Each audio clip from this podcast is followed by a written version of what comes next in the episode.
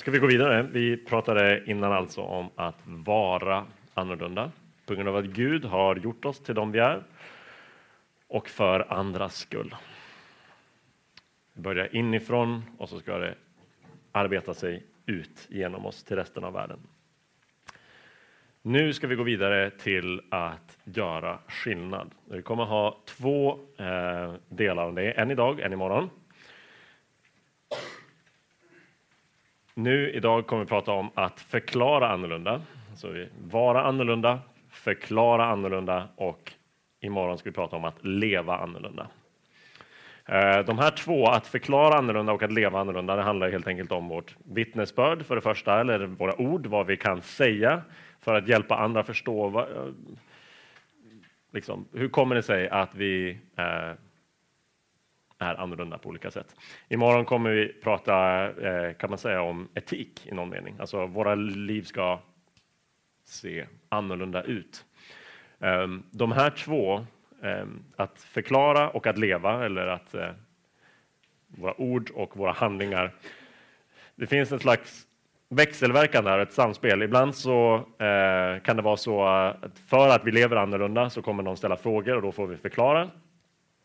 Eh, och ibland så är relationen den omvända, att vi förklarar annorlunda och, och så kan vi också, eh, eh, när vi förstår det, eh, också förstå hur vi ska leva annorlunda. Så de här två pilarna går åt båda håll mellan tvåan och trean, så vi tar helt enkelt bara en i taget och, eh, och jobbar lite med det. Att förklara annorlunda. Eh, jag läser den här versen igen som jag också läste under den första delen. Ni är ett utvalt släkte, ett kungligt prästerskap, ett heligt folk, Guds eget folk för att ni ska förkunna hans härliga gärningar, han som har kallat er från mörkret till sitt underbara ljus. Nyckelordet eh, nu när vi pratar om att förklara, eller våra ord här, är ordet förkunna som finns i den här versen. Så att ni är utvalda, ni har blivit annorlunda, jag har gjort er till mina för att ni ska förkunna. Ordet förkunna eh, använder vi inte så mycket utanför kyrkan idag, men det handlar om att eh, eh, ursprungligen handlar det om att ropa ut nyheter. Personer som jobbade som förkunnare eller härolder var de som rapporterade vad det är som har hänt eh, i en stad till exempel, före man hade massmedia, tv och, och sådana sätt att göra det. Så att förkunna innebär helt enkelt att tala om vad Gud har gjort. Och den här versen som jag sa eh, kommer Petrus, han liksom plockar den från när Gud befriade sitt folk ur Egypten, tog dem ut därifrån och gjorde dem till sina, sa han, nu ska ni förkunna eh, hans härliga gärningar. Och det hände också spontant. Um, I Andra Mosebok när Gud leder sitt folk genom havet, han öppnar en väg för dem där det ser ut att inte finnas någon. De har varit fångar, de har varit slavar, men Gud räddar, befriar, frälser dem Eh, och för, eh, för dem till sig själv. När de kommer på andra sidan vattnet så stämmer de spontant upp i lovsång. Ehm, det vi ser är alltså att det här är vår respons på vad Gud har gjort i historien och i våra liv. Och att Guds frälsning skapar en gemenskap som berättar om honom för andra och att det sker ganska naturligt, ganska spontant. När Gud gör något i historien eller när han gör något i våra liv, när han väcker tro i oss, vi får syn på oss själva, vårt behov av honom och också vad Gud har gjort för oss, hur högt han har älskat oss och att han har gett sin egen son, eh, gett sitt eget liv för oss. Så skapar det i oss viljan att lovsjunga, att tillbe och att i någon mening också berätta om honom för andra. Eh, jag kan passa på nu också säga någonting om, ni märker att jag använder ordet gemenskap. Eh, ni kanske har märkt att jag använder ordet vi och använder ordet vår väldigt mycket. Bibeln tilltalar oss tillsammans mer än den tilltalar oss enskilt som enskilda personer. Och Det är väldigt viktigt när jag pratar om att vara annorlunda, att förklara annorlunda, att leva annorlunda, att det är någonting som vi behöver varandra för att kunna göra. En av de tydligaste orsakerna till eh, anpassning, när vi såg den här röda pricken som liksom fejdar ut och blir grå och inte sticker ut längre, är att det är en ensam kristen. Vi behöver varandra. För att kunna vara annorlunda och för att kunna förklara så behöver vi varandra mitt eh, ute i världen bland andra. Så i er kontext, när det handlar om att skapa en gemenskap som berättar om Gud för andra, så kan jag inte nog understryka vikten av att hitta andra kristna i skolan. Att hitta en gemenskap. Om det finns en organiserad kristen skolgrupp eller du kan starta en, otroligt bra, otroligt viktigt. Där finns också chansen att, att ha den här gemenskapen som berättar, som ger Gud känd, som visar upp Gud för skolan genom att kristna från olika eh, samfund och organisationer kommer tillsammans och gör det enhetligt, enhetligt på skolan tillsammans. Det är otroligt viktigt. Vi behöver varandra. Vi är en gemenskap som ska vara annorlunda, inte liksom enskilda utbölingar. För ensamma nöts vi ner så mycket lättare. Så för det första, att förklara att med ord vara annorlunda innebär att förkunna, att berätta vad Gud har gjort i historien, men också enskilt i våra liv. Vårt personliga vittnesbörd, eh, hur nu det än ser ut, de är alla individuella. Gud har på olika sätt räddat oss från olika saker. Eh, och det kan vi berätta för andra. Så här såg mitt liv ut, eller så här hade mitt liv sett ut om inte Gud hade gripit in, eh, gett mig tro på honom och räddat mig. Ehm, men också att prata om den stora berättelsen, att Jesus kom till världen. Han befriade sitt folk ur Egypten och så vidare. Det är det första, att förkunna. Det andra sättet som vi ska ägna lite mer tid åt är att förklara det här med att vi är annorlunda kan vi kalla att vara beredda att svara. Den här versen eh, betyder mycket för mig i första Petrusbrevet. Var inte rädda för dem och låt er inte skrämmas. Herren Kristus ska ni hålla helig i era hjärtan. Var alltid beredda att svara var och en som begär att ni förklarar det hopp ni äger.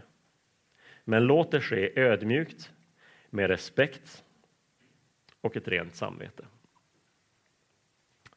Var inte rädda för dem. Jag läser en gång till. Var inte rädda för dem. Låt er inte skrämmas. Herren Kristus ska ni hålla helig i era hjärtan. Var alltid beredda att svara var och en som begär att ni förklarar det hopp ni äger. Men låt det ske ödmjukt, med respekt och med rent, och ett rent samvete. Så om det första, att förkunna, det är vår respons på att Gud har gjort någonting med oss. Han har gripit in i våra liv och, och frälst oss, räddat oss och då föds det naturligt den här viljan att, att dela med sig av det, att på något sätt eh, eh, dela sitt vittnesbörd. Så är det, handlar det andra om att ge en respons på andra människor.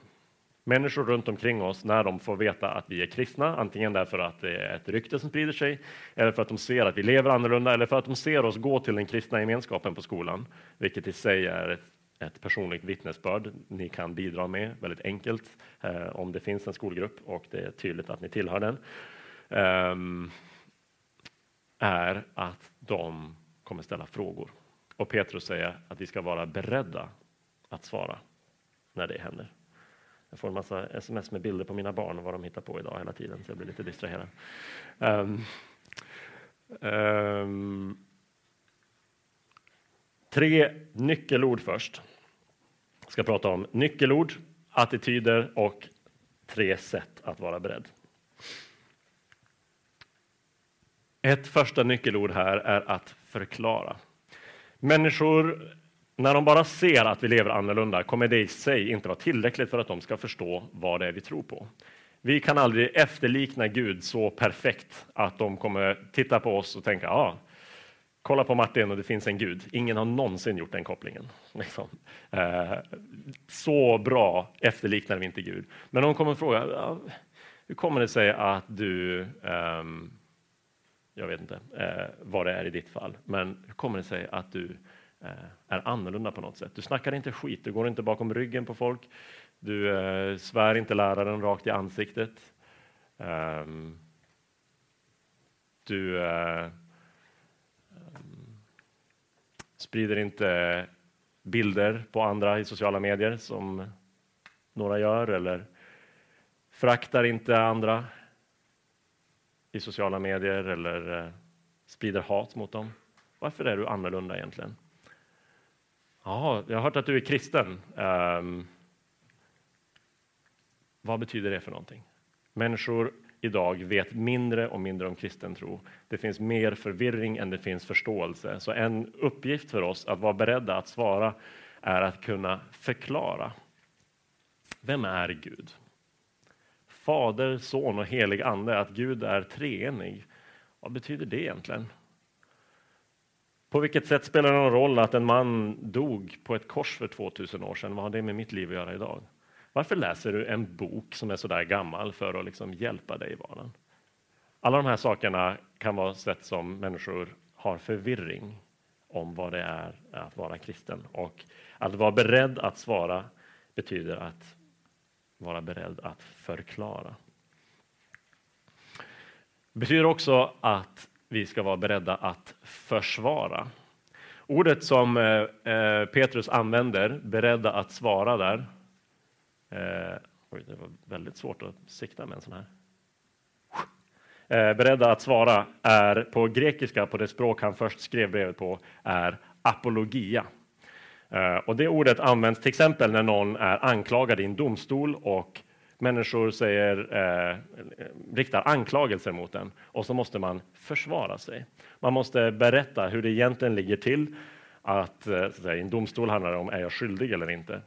Men i sammanhanget med kristen tro så kommer människor ha olika invändningar och tvivel. Ja, men om det verkligen fanns en Gud, varför visar han sig inte mer?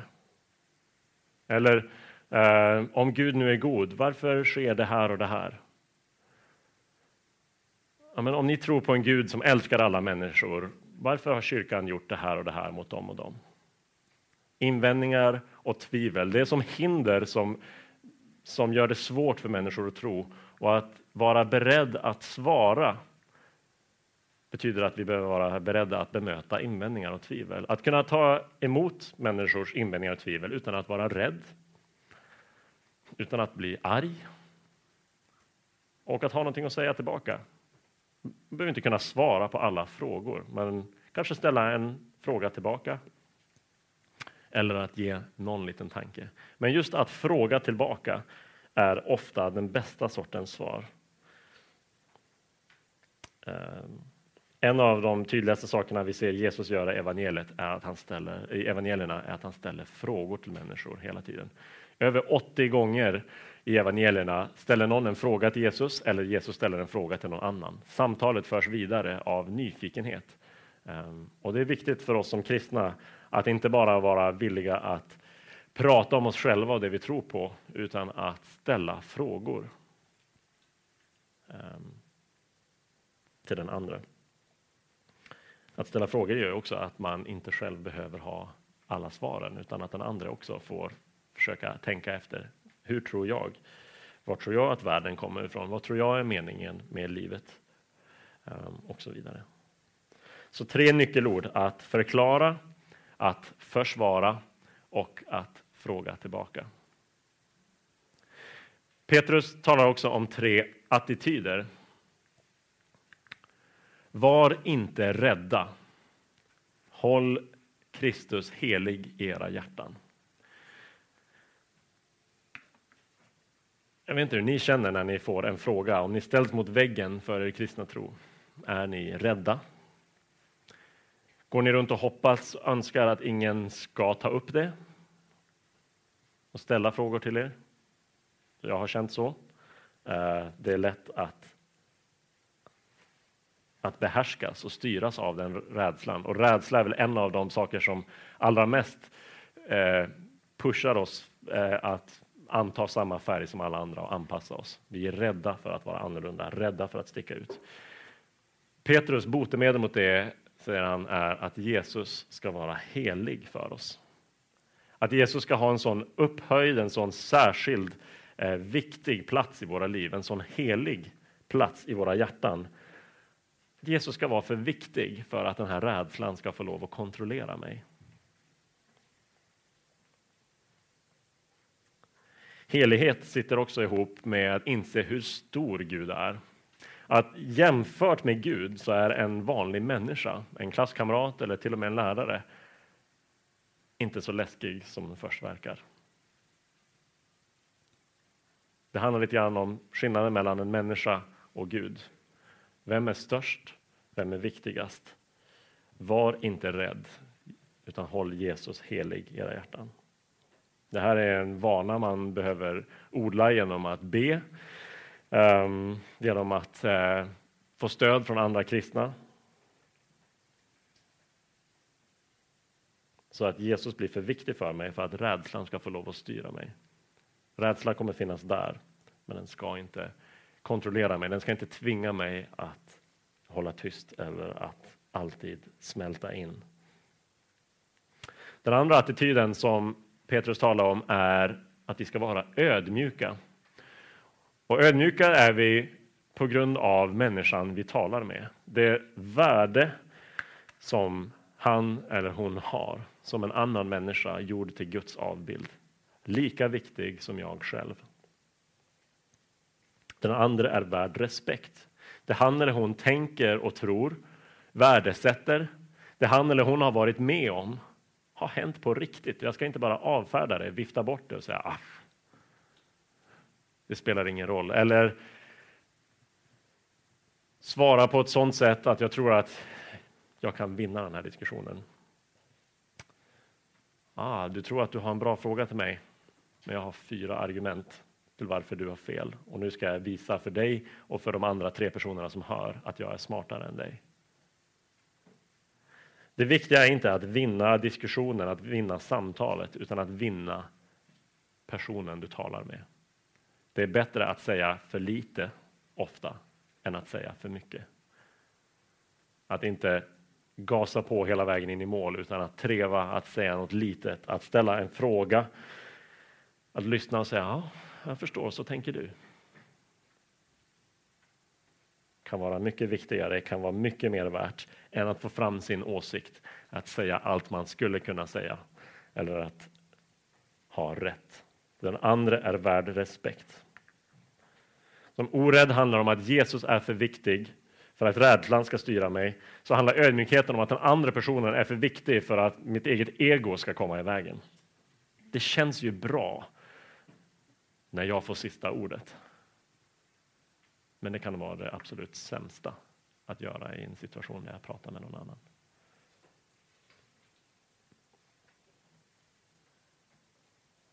Att vi ska vara beredda att svara handlar inte om att vi alltid ska ha de smartaste svaren på allting.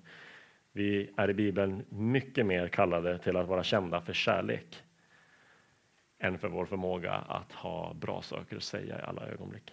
Så ödmjukhet är jätteviktigt. Jag vill läsa ett citat från eh, författaren C.S. Lewis om att möta sin medmänniska eh, med ödmjukhet och respekt. Dagligen bör jag kröka ryggen under tyngden, vikten eller bördan av min nästas härlighet. En börda så tung att bara ödmjukheten kan bära den, fast den knäcker de högmodigas ryggar. Det finns inga vanliga människor. Du har aldrig pratat med en vanlig, enkel dödlig. Nationer, kulturer, konst, civilisationer, de är dödliga och deras liv är som en myggas i jämförelse med vårt. Däremot är det odödliga varelser som vi skojar med, jobbar med, gifter oss med. Vår kärlek måste vara äkta och dyrbar, med djup känsla för de synder trots vilka vi älskar syndaren. Vår kärlek måste vara äkta och dyrbar, inte bara tolerans. När han pratar om att det inte finns några vanliga människor, några vanliga, enkla, dödliga, så pratar han om att varje människa är skapad för att leva i evighet och kommer att göra det med Gud eller utan Gud. Så att stå inför en annan människa och se, han eller, se honom eller henne i ögonen är någonting väldigt seriöst. Så det kräver ödmjukhet att försöka tala om för den andra vad den kristna tron handlar om.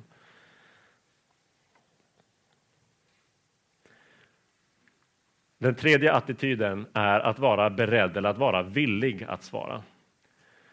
Orädd eftersom Jesus är för viktig för oss för att låta rädslan styra. Ödmjuk eftersom medmänniskan är för viktig för oss att låta vårt ego komma i vägen. Och villig eftersom vi älskar både Jesus och medmänniskan.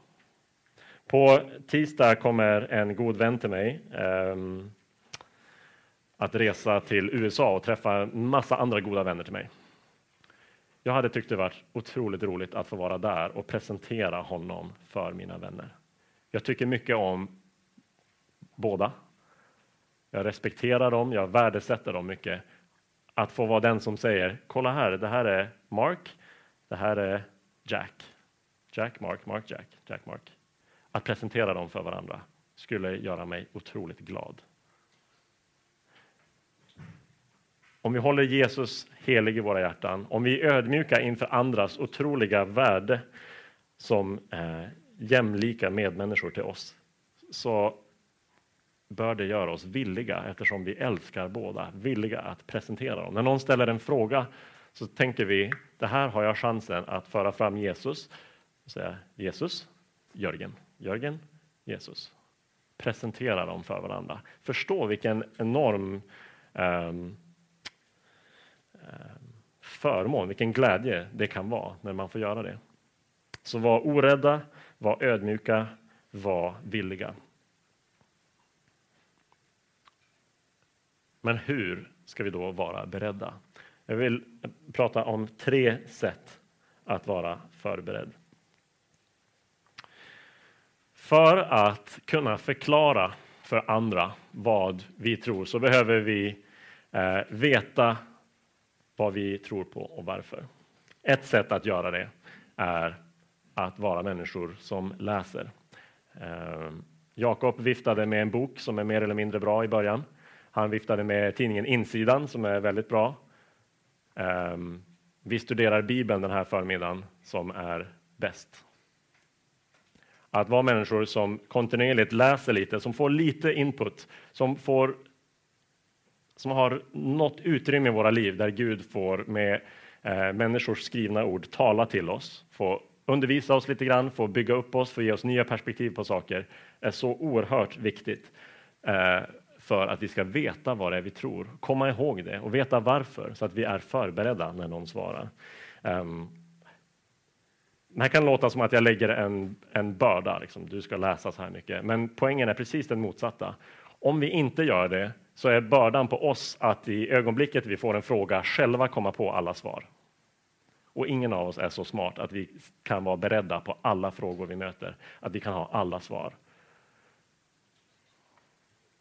Men Gud kan hjälpa oss och har gett oss sitt ord att läsa just för att vi ska ha svar. Och 2000 år av kristna eh, som har tänkt, som har provat sig fram i att ge svar på människors frågor, som har lett människor till Gud, kan ge oss jättemycket hjälp i att förstå hur vi ska svara på andras frågor. Det är inte en börda, utan det är tvärtom det som tar bort bördan från våra axlar. Jag behöver inte komma på allting själv. Jag kan lära mig av andra hur jag ska svara på vad människor frågar. Den senaste tiden då det var verkligen så här äh, otroligt tydligt att någonting hände i vårt land Sverige, att människor i stora grupper kom till tro. Det som vi brukar kalla för väckelsen och det som gjorde att liksom ELU och ELM och så här startades. kallas för väckelsen. Och de människor som blev kristna då kallades av andra för läsarna. De var människor som läste Därför att de visste att de själva inte var smarta nog att klura ut allting utan behövde Guds ord och behövde hjälp av andra människor att förstå sitt eget liv och att hjälpa varandra leva för Gud.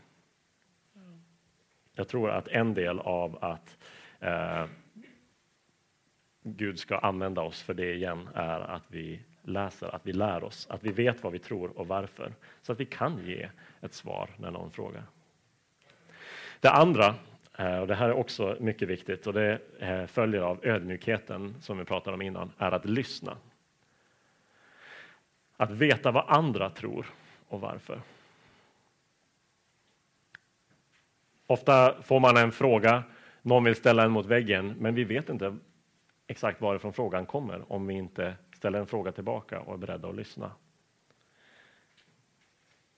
En av mina förebilder är Francis Schaeffer som lett otroligt många människor till kristen tro. Han sa att om han pratar med en människa i en timme så vill han försöka lyssna 55 minuter och tala i fem.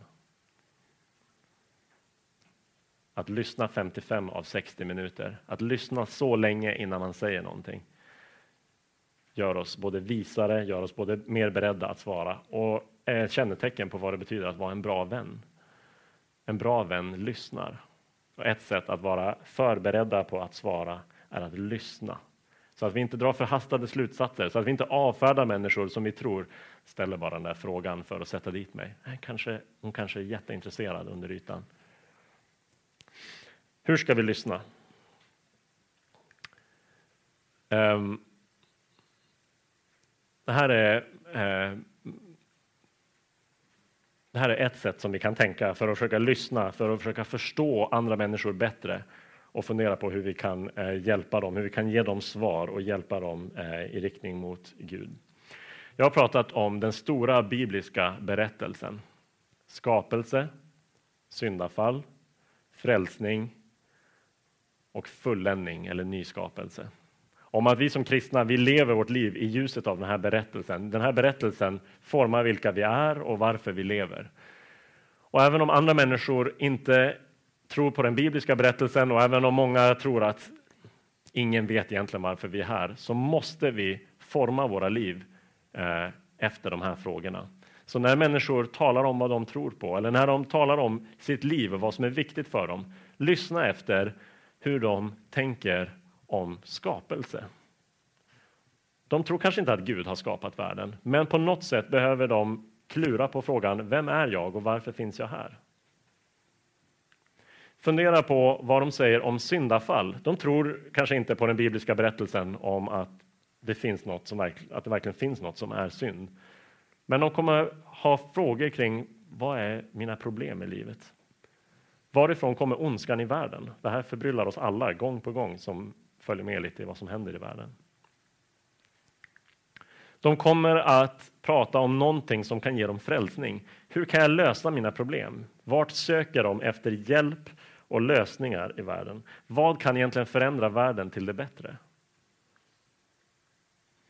De kommer ha någon idé om fulländning. Vad hoppas jag på? Vad längtar jag efter? Vad finns det för hopp för den här världen egentligen? Alla människor, även om man inte ens tror att det finns sanning, att det finns en berättelse som vi alla kan bli en del av, så kommer man försöka forma sitt liv eh, genom att lösa de här mysterierna. Vem är jag egentligen? Varför är livet svårt? Hur kan jag få hjälp? Och vad får jag hoppas på? Lyssna på två förenklade eh, typer av berättelser och fundera på om ni känner igen någon eh, runt omkring er eller ifall ni kan själva eh, sen i grupperna komma på liknande sådana berättelser.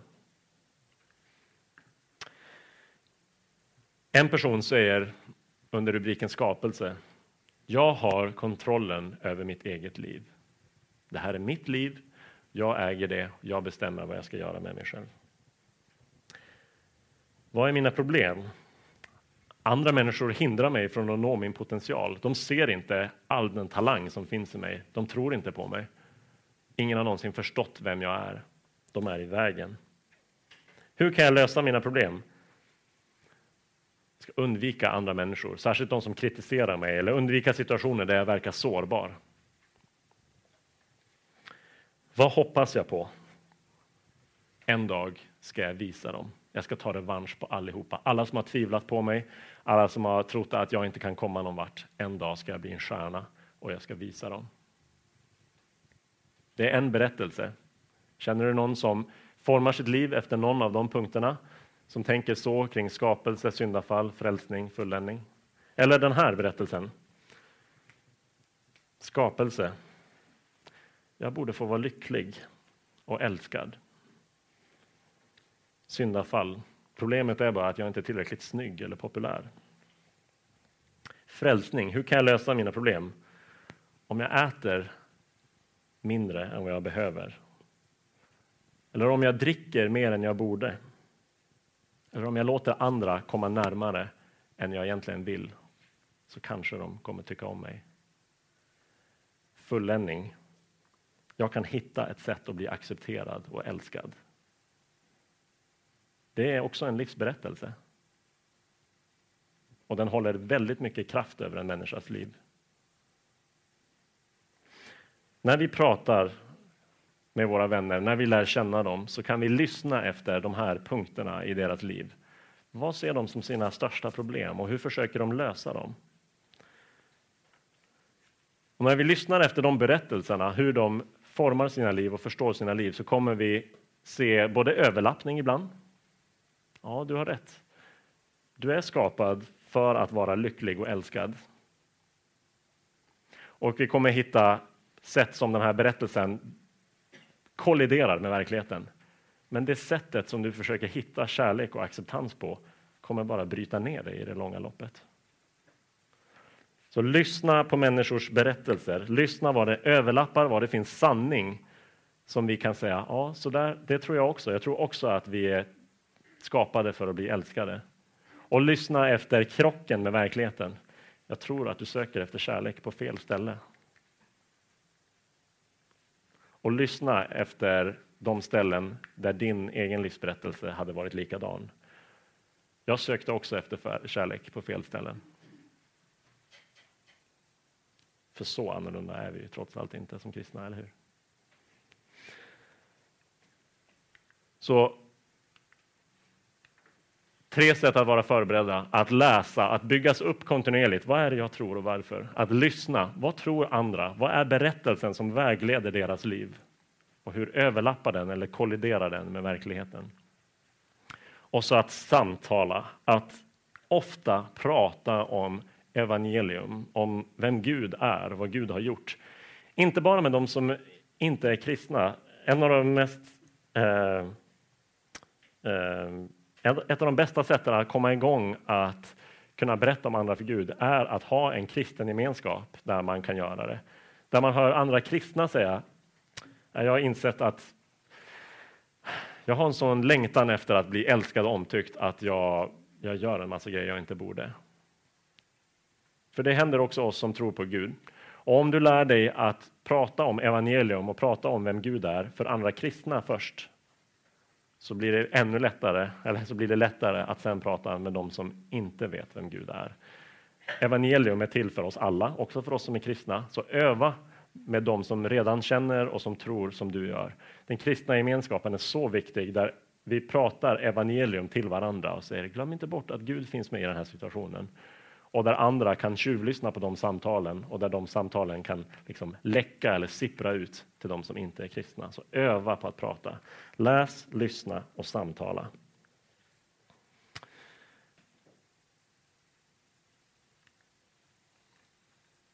Nu har vi pratat om att vara annorlunda och vi har börjat prata om att göra skillnad. Att ett sätt att göra det är att förklara på vilket sätt vi som kristna är annorlunda.